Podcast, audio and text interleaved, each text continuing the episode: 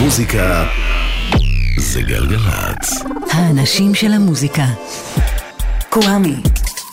עושה לי את הלילה. תולדות האינדי על פי קוואמי. סטאפ. אהלן, היי, שלום, סלאם, פיס, מה שלומכם, מה שלומכן? תאיר יואבי מפיקה, מיכל כהן סאונד, קוואמי כאן איתכם ואיתכן.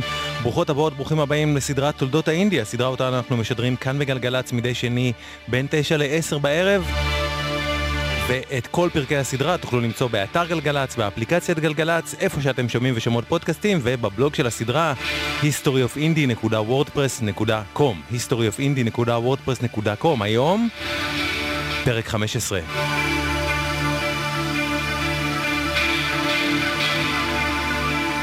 בפרק שעבר הגענו סוף סוף לדברים שקרו ב-70's בארצות הברית. דברים שהיו משמעותיים מאוד להיווצרות האינדי כסגנון, והיום, החלק השני של הפרק האמריקאי הזה. את הקודם סיימנו עם אלבומו של איגי פופ, The Idiot, שיצא במרץ 77, אלבום שמאוד מאוד השפיע על אבולוציית ה-New Wave והמוזיקה הגותית, הקודרת והדקדנטית, שיאפיינו חלק גדול מהאינדי החדש שבדרך. רק כחצי שנה אחרי The Idiot, איגי פופ ודייוויד בוי הוציאו את אלבומם המשותף הבא, Lust for Life, תאווה לחיים, כשמו כן הוא. Last for Life מסמל איזה שחרור או ניסיון לשחרור של איגי מהאפלה הדקדנטית שמילאה את כל שנותיו הקודמות. זה כבר לא אלבום קברטי ואפל כמו The Idiot, והוא ברובו מורכב מרוקנרול משוחרר, אם כי הוא מתעסק הרבה בהרס עצמי ובשימוש בהרואין. אבל גם כשהוא כבר נשמע יותר אופטימי, היה משהו כל כך עקום ומשונה בשירה של איגי. וגם האלבום הזה מאוד השפיע במוזרותו המופגנת על דור האינדי החדש, במיוחד השיר הזה. The Passenger, איגי פופ מתוך Last for Life 77, סדרת תולדות האינדי, פרק 15, מתחילות.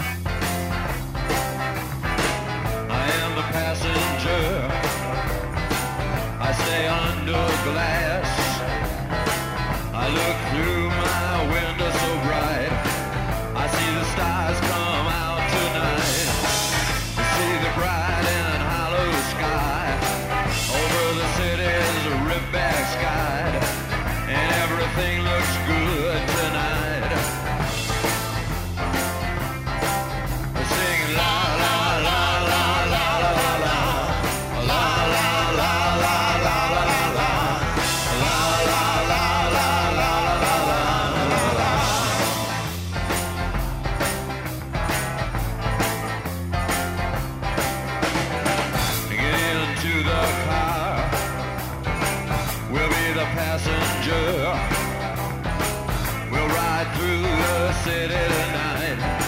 We'll see the city's ripped back sides.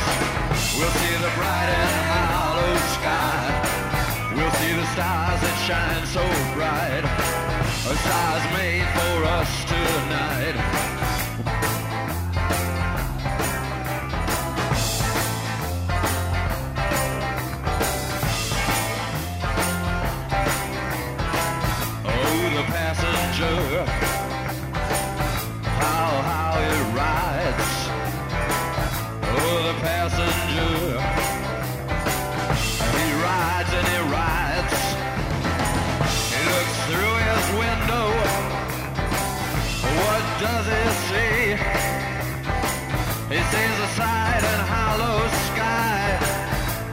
Stars come out tonight. He sees the city's ripped back sides. He sees the winding ocean drive. And everything was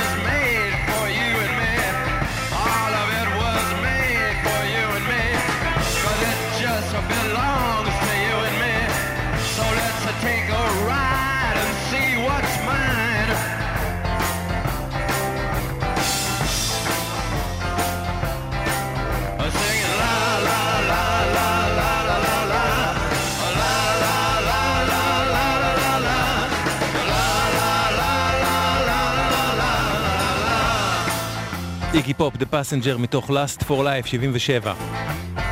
אלן וגה היה מעריץ של איגי פופ. הוא הגיע מברוקלין ועסק בניסיונות אלקטרוניים מוקדמים ובפיסול. מרטין רב הגיע מהברונקס, וכשהשניים נפגשו בניו יורק, רב כבר ניגן באנסמבלים של ג'אז אוונגרד. וגה ורב הקימו יחד צמד וקראו לו סואסייד. ב-71 את ההופעה השנייה שלהם הם הגדירו כ-Punk Music Mass. יש שטוענים שזו הפעם הראשונה בה להקה כלשהי הגדירה את עצמה בעצמה כפאנק. את המילה פאנק סואסייד לקחו ממאמר על איגי פופ שכתב ב-69 מבקר הרוק לסטר בנקס בקרי מגזין. ולהזכירכם, אלבום הפאנק הראשון יצא רק חמש שנים אחרי כן, ב-76, עם הרמונס. וגה ורב היו עניים מרודים. הם היו אוכלים סנדוויץ' אחד ביום, והיה להם כלי אחד בלבד עליו הם יכלו לעשות מוזיקה, מקלדת וורליצר שמרטין רב קנה בעשרה דולר בלבד. ב-75 הם השיגו גם מכונת תופים פרימיטיבית וטייפ שני ערוצים. סואסייד היה צמד אמריקאי של זמר ואיתו נגן סינתסייזר ומכונת תופים, והם היו שם כמה שנים טובות לפני הצמדים האלקטרונים של האייטיז, לפני סופט סל, יאזו והיוריתמיקס. ב-77 הם השיגו חוזה הקלטות עם לייבל עצמאי בשם רד סטאר, שהוקם באותה שנה על ידי המנהל לשעבר של הניו יורק דולס, מרטי תאו, ואלבום הבכורה שלהם יצא שם ב-78. השיר הזה מתוכו הוא בעיניי הארכיטיפ לכל כך הרבה שירים שעשו אחריהם להקות כמו ספייסמן 3, יו לה טנגו, גלקסי 500, לופ, ספיריטואלייזד, לונה. העולם היה מורגל בשנות ה-70 בהפקות ענק, שממש שמעו את הכסף שהושקע בהן, וסואסייד הראו כמה יופי אפשר ליצור כשכמעט אין לך אמצעים בכלל. Shuri, Shuri. Oh, baby. Oh, baby.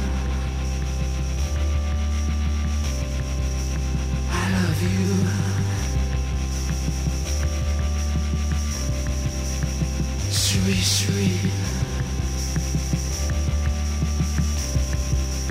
comic book fantasy.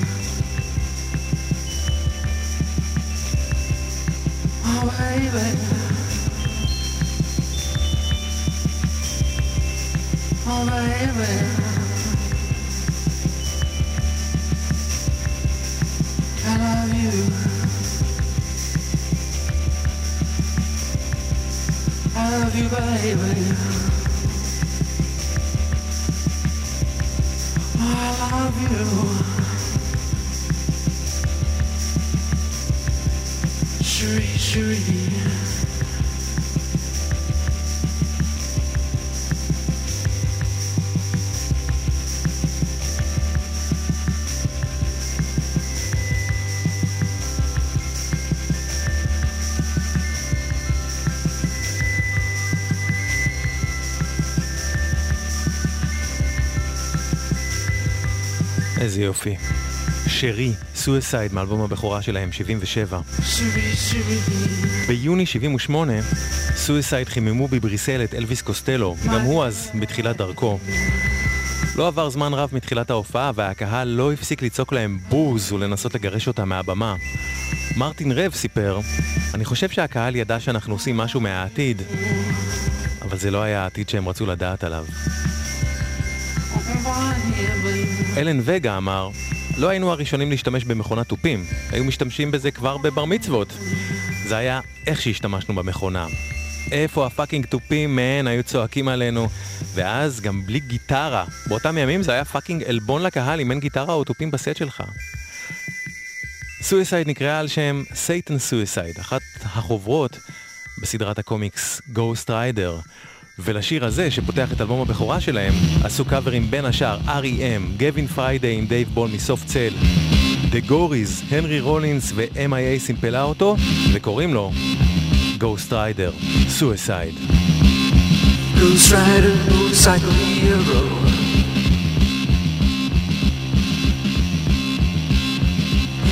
baby, he's a looking so cute. Sneaking round, round, round in a blue jumpsuit.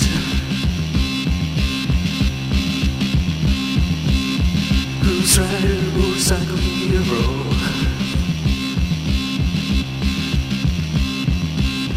Baby, baby, baby, baby, he's a blazing away.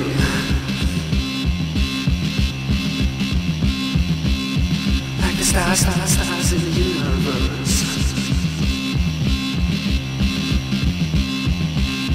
Ghost Rider, motorcycle hero.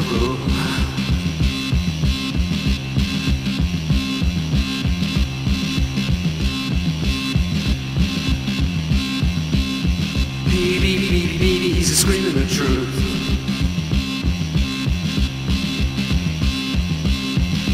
America, America is killing its youth.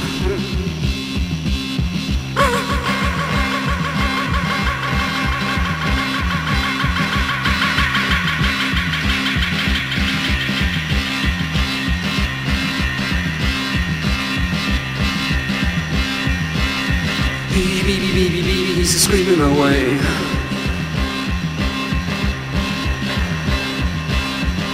America, America is killing its youth.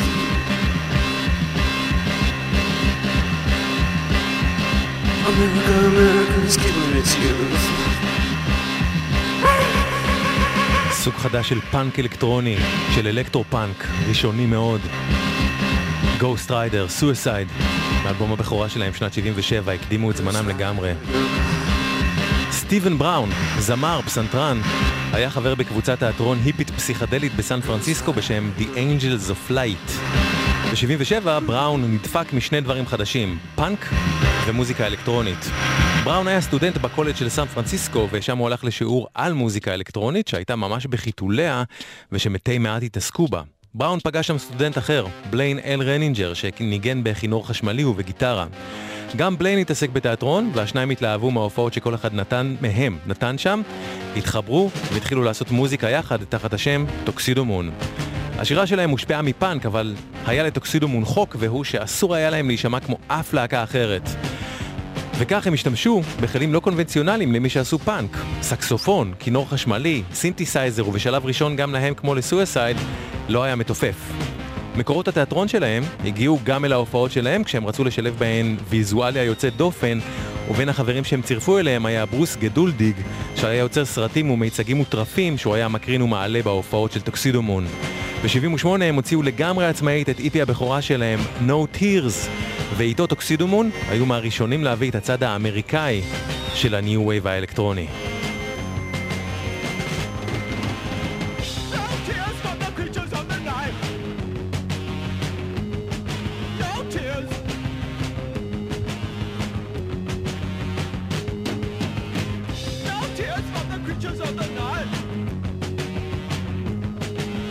Tears.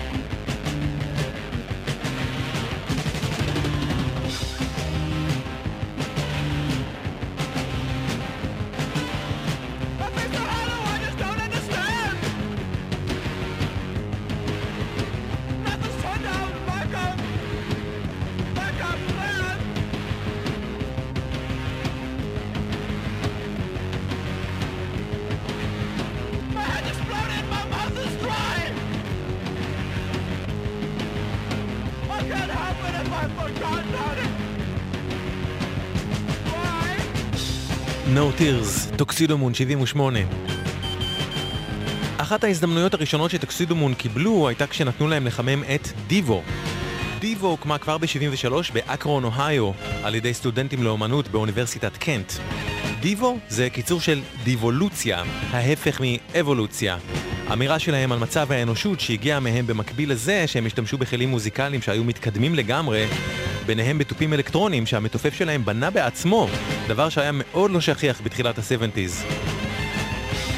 דיבו הושפעו מאוד ממה שהם כינו פסקולים גרועים של סרטים, מרוקסי מיוזיק המוקדמים ומדייוויד בוי, בעיקר מההופעה של אלבומו דיימונד דוגס, שנתנה להם את הפוש הכי גדול להקים את הלהקה.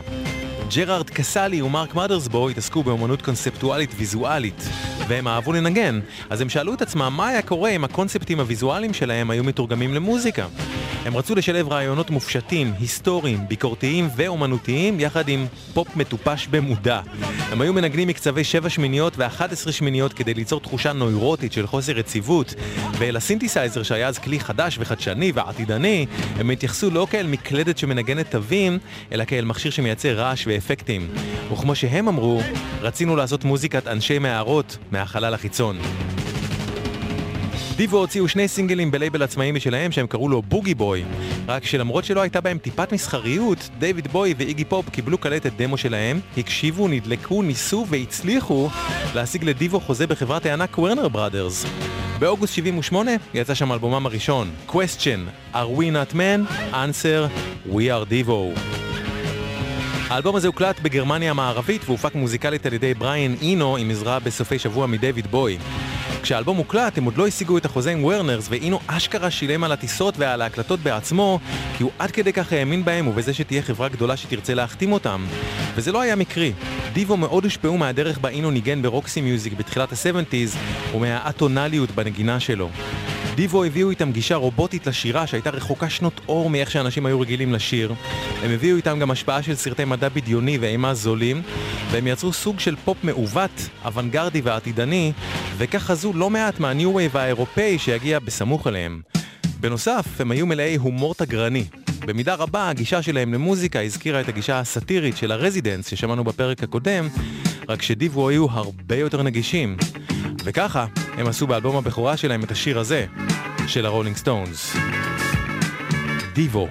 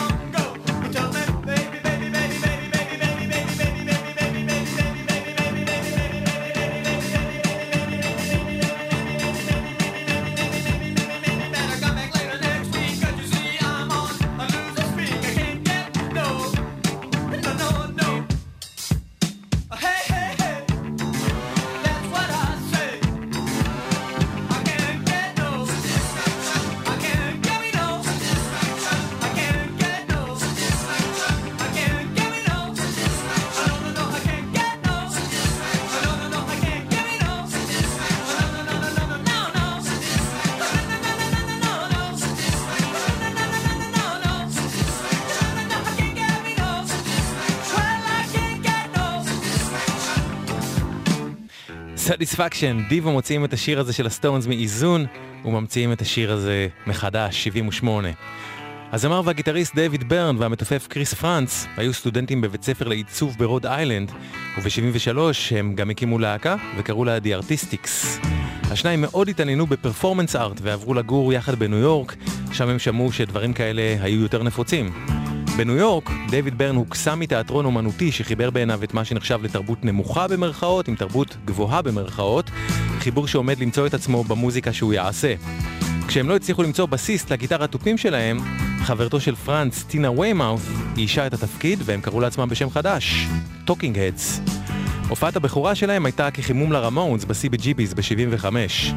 עכשיו, בארצות הברית לא התעסקו באיזה לייבל היית מוציא את האלבומים שלך, יותר התעסקו שם באיפה היית מופיע. והמקום להופיע בו היה מועדון ה-CBGB's בניו יורק. המקום עליו סיפרנו בפרק הקודם, שהיה הבית של טלוויז'ן, פטי סמית, בלונדי, הרמונס וה Dead Boys. Talking Heads בלטו שם במיוחד כי היה בהם משהו שנראה מאוד מאופק, מאוד נקי ומאוד חנוני, מאוד יענו, לא רוקנרול. והם גם היו נטולי דיסטורשן בגיטרות, רחמנא ליצלן. העיבודים שלהם היו מאוד מינימליסטיים, מה שנשמע מעט אחר כך כמאפיין בולט באינדי הבריטי, ודייוויד ברן כתב על נושאים מאוד לא רוקנרולים, בירוקרטיה, טלוויזיה, ערים, מכשירי חשמל. ב-76 Talking Heads הוחתמו בחברת התקליטים Sire, שהייתה הבית של הרמונס, ה Dead Boys ובלונדי, וב-77 הצטרף אליהם כקלידן וגיטריסט ג'רי, הריט... ג'רי הריסון, אחרי שהוא עזב את ה Modern Lovers ששמענו בפרק הקודם. בהמשך אותה שנה יצא ב Sire אלבומם הראשון, 77. Talking Heads היו אינטלקטואלים במופגן, אומנותיים מבלי להתבייש בזה, מאוד שכלתניים ובו זמנית מאוד יצריים. השירה של דויד ברן הייתה מוזרה, על הטקסטים היה צריך לחשוב, ובדומה ל Pere Ubu מהפרק הקודם, גם Talking Heads הניחו כמה מהיסודות של הפוסט-פאנק שבדרך. רק שלהבדיל מרוב גיבורי שני הפרקים האחרונים, במקרה של Talking Heads, כבר באלבום הבכורה שלהם, אחד השירים הפך ללהיט. ושימו לב כמה שהגיטרות בשיר הזה מזכירות את הגיטרות של להקת טלוויז'ן.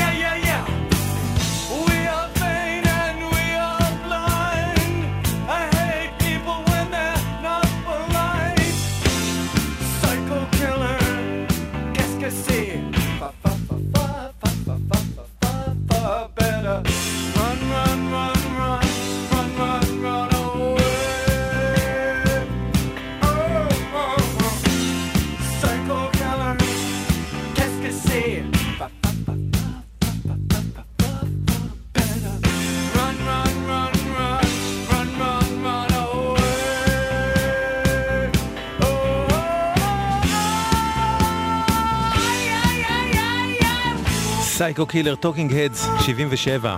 מניו יורק עוברים לניו ג'רזי. משם הגיעו פרד שניידר וקייט פירסון. הם לא הכירו אישית וכל אחד מהם בלי קשר זה לזו עבר לדרום לאתנס ג'ורג'יה. בג'ורג'יה הם התחברו עם סינדי ווילסון, עם אחיה ריקי ווילסון ועם קית' סטריקלנד, ויחד החמישה הקימו להקה בשם B-52's. החבורה הזאת מאוד הושפעה מתרבות הפופ של ה-50's וה-60's, וכמו דיבו, גם הם מאוד אהבו B-movies. להבדיל מכל הדמויות שהזכרנו עד כה בשני הפרקים על ארצות הברית, ה-B-52's היו לא רק מלאי הומור, אלא גם שמחת חיים. הם היו צבעוניים וטראשיים במכוון, אהבו לרקוד ולהרקיד והושפעו מאוד מרוק אנד רול מוקדם ומ surf music. את סינגל הבכורה שלהם הם הוציאו בלייבל עצמאי בשם DB Records שפעל מחנות תקליטים באטלנטה. באותם ימים אין אינטרנט, וה-B-52's הבינו שאם הם יישארו בדרום יהיה להם קשה להפיץ את קיומם, ולכן הם הגיעו להופיע בניו יורק. הם עשו את זה ב-CBGB's ובעוד מקום שלהט שם באותה תקופה, Max's Kansas City, ונהיה סביבם באז כל כך גדול, שזה גרם לחברת הענק Warner Brothers לחזר אחריהם, וב-79 גם להחתים אותם. ה-B-52's הוציאו שם את אלבום הבכורה שלהם, ולהבדיל מהאינטלקטואליות והרצינות של Talking Heads, Pere Ubu ופטי סמית, ה-B-52's היו אלטרנטיביים למיינסטרים, נשמעו עקומים ומוזרים, אבל גם באו לעשות משהו חשוב לא פחות. כיף טהור.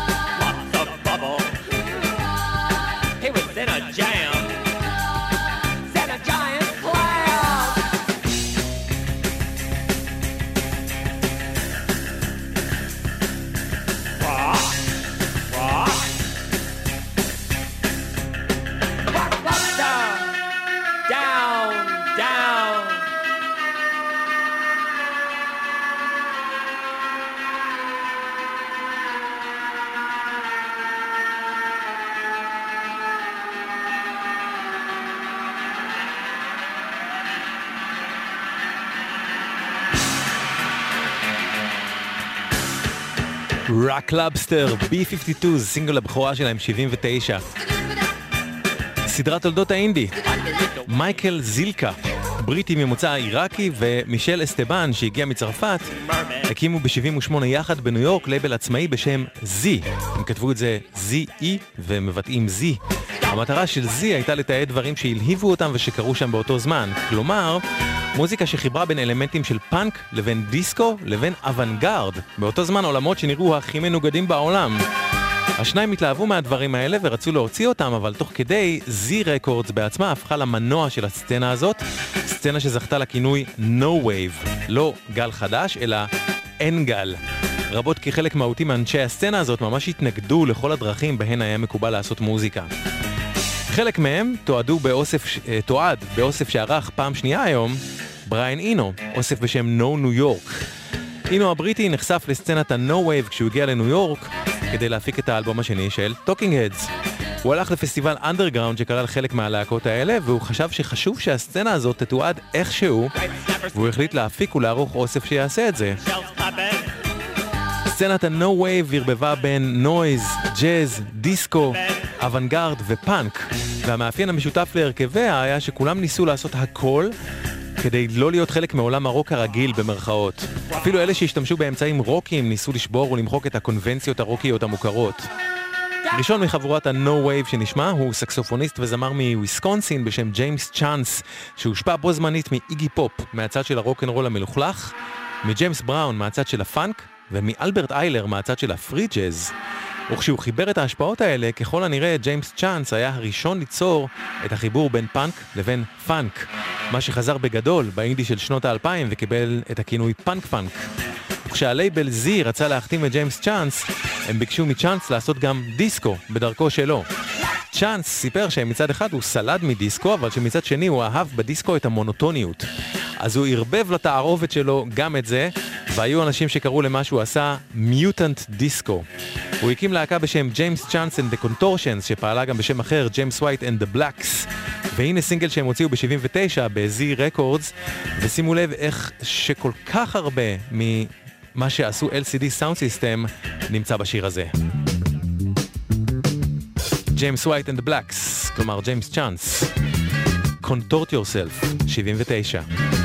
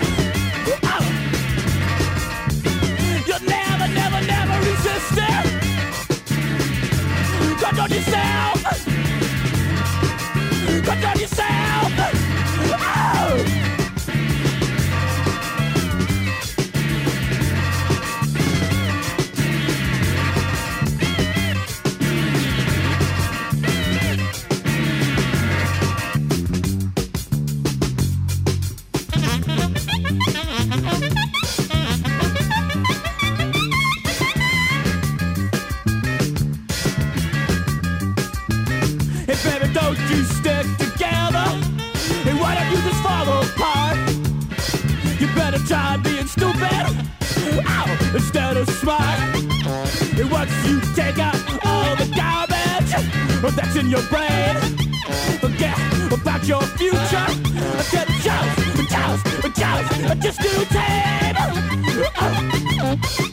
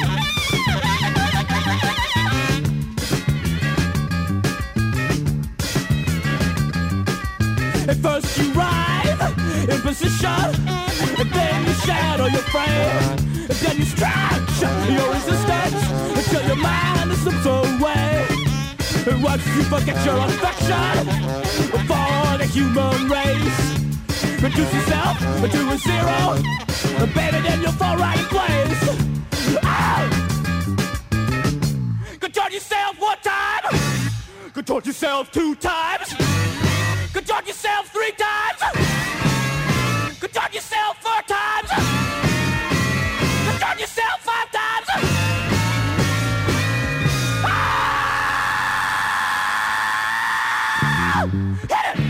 Contort Yourself, לידת הפאנק פאנק עם ג'יימס צ'אנס המלעון ב-79 בלייבל העצמאי Z.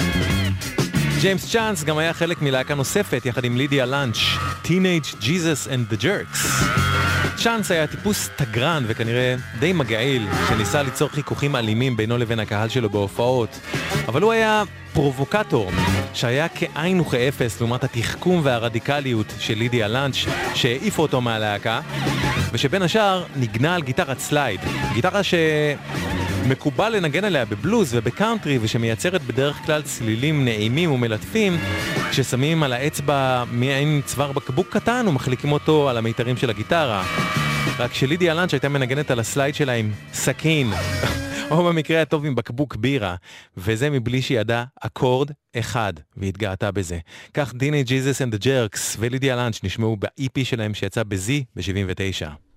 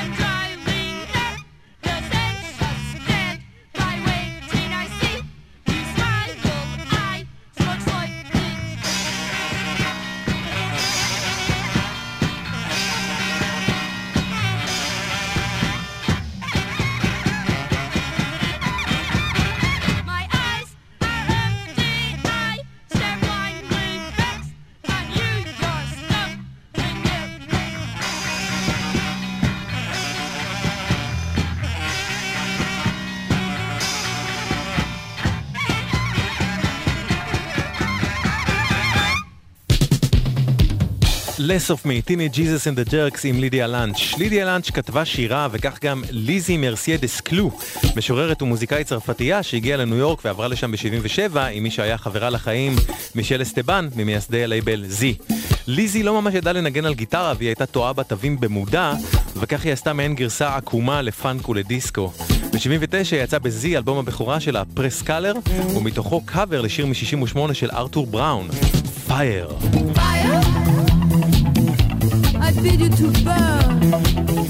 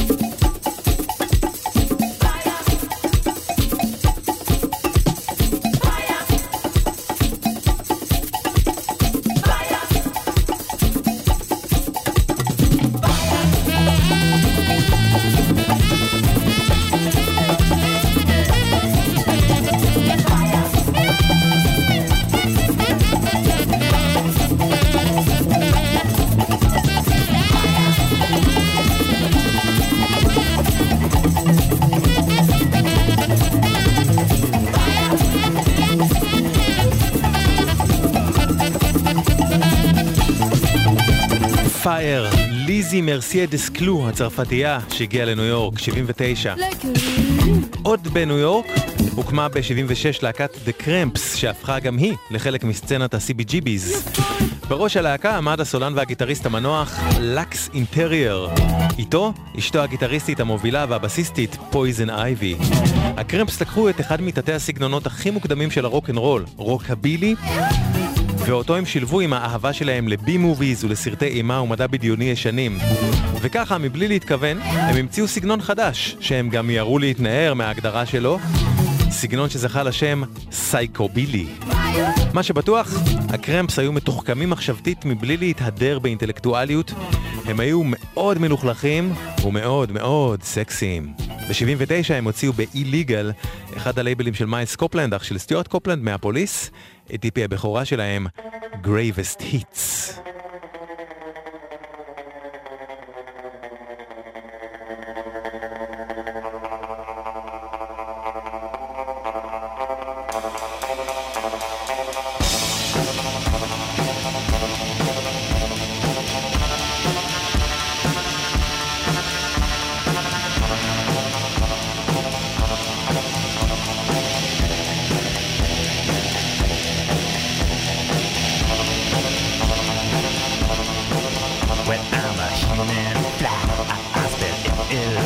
I, say buzz, buzz, and it's just because I'm a human fly, and I don't know why.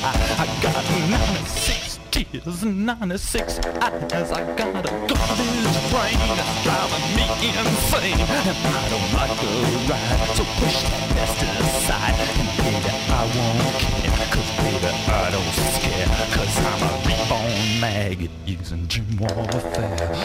Rock.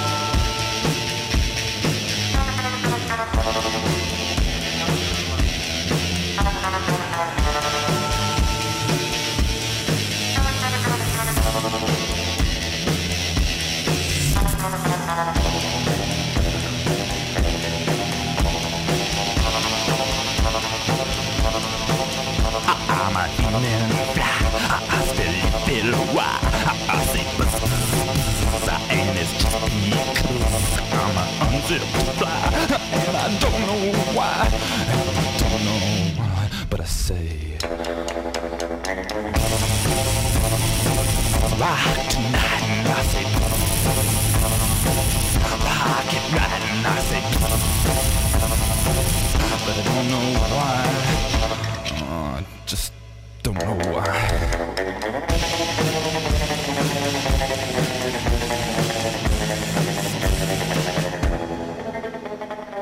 Fly, The Cramps, 79. ב-78 הוקם בקליפורניה מה שיהפוך לאחד הלייבלים האמריקאים העצמאיים הכי בולטים ומשפיעים בעשורים הבאים, SST. SST Records, ראשי תיבות של Solid State Tuners, התחיל כעסק למכירת ציוד רדיו אלקטרוני שהקים גרג גין כשהוא היה רק בן 12. כשגין התחיל לנגן בלהקת פאנק הוא הבין שאף לייבל לא ירצה להחתים אותם והוא הסיק שכבר יש לו מספיק ניסיון עסקי מגיל צעיר אז הוא הפך את Solid State Tuners ללייבל עצמאי חדש בשם SST. הדבר הראשון שיצא ב-SST היה EP הבכורה של להקה שגרג גין היה הגיטריסט שלה ושתהפוך לאחת מלהקות הפאנק המובילות בארצות הברית ב-80's, Black Flag. אז הסולן שלהם היה עוד כית מוריס וזה שיר הנושא מהאיפי הראשון שלהם שממש מסמן את העתיד של הפאנק בשנות ה-80. Nervous Breakdown, סינגל ראשון בלייבל SST, Black Flag.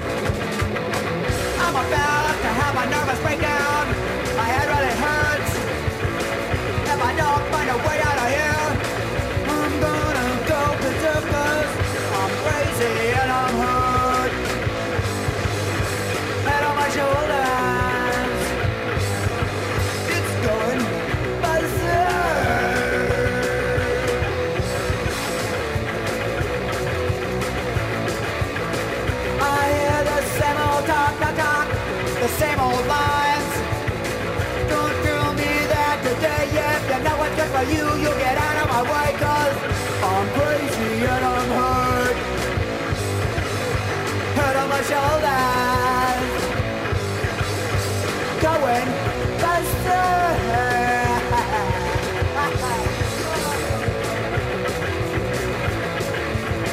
I won't apologize For acting out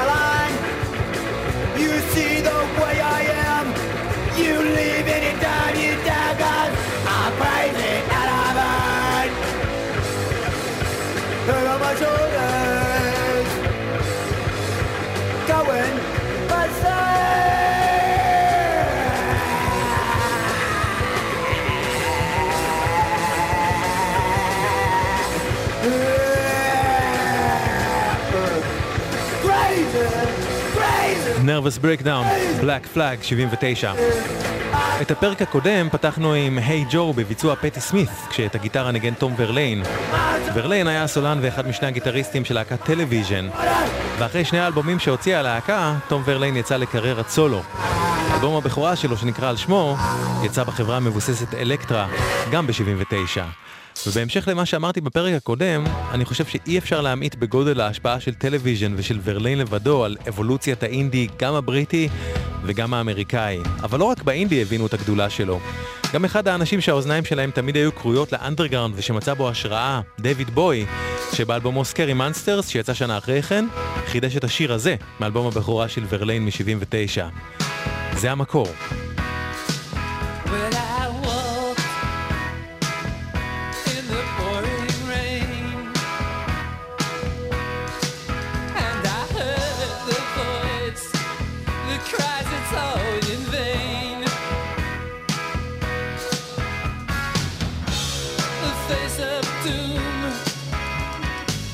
Shining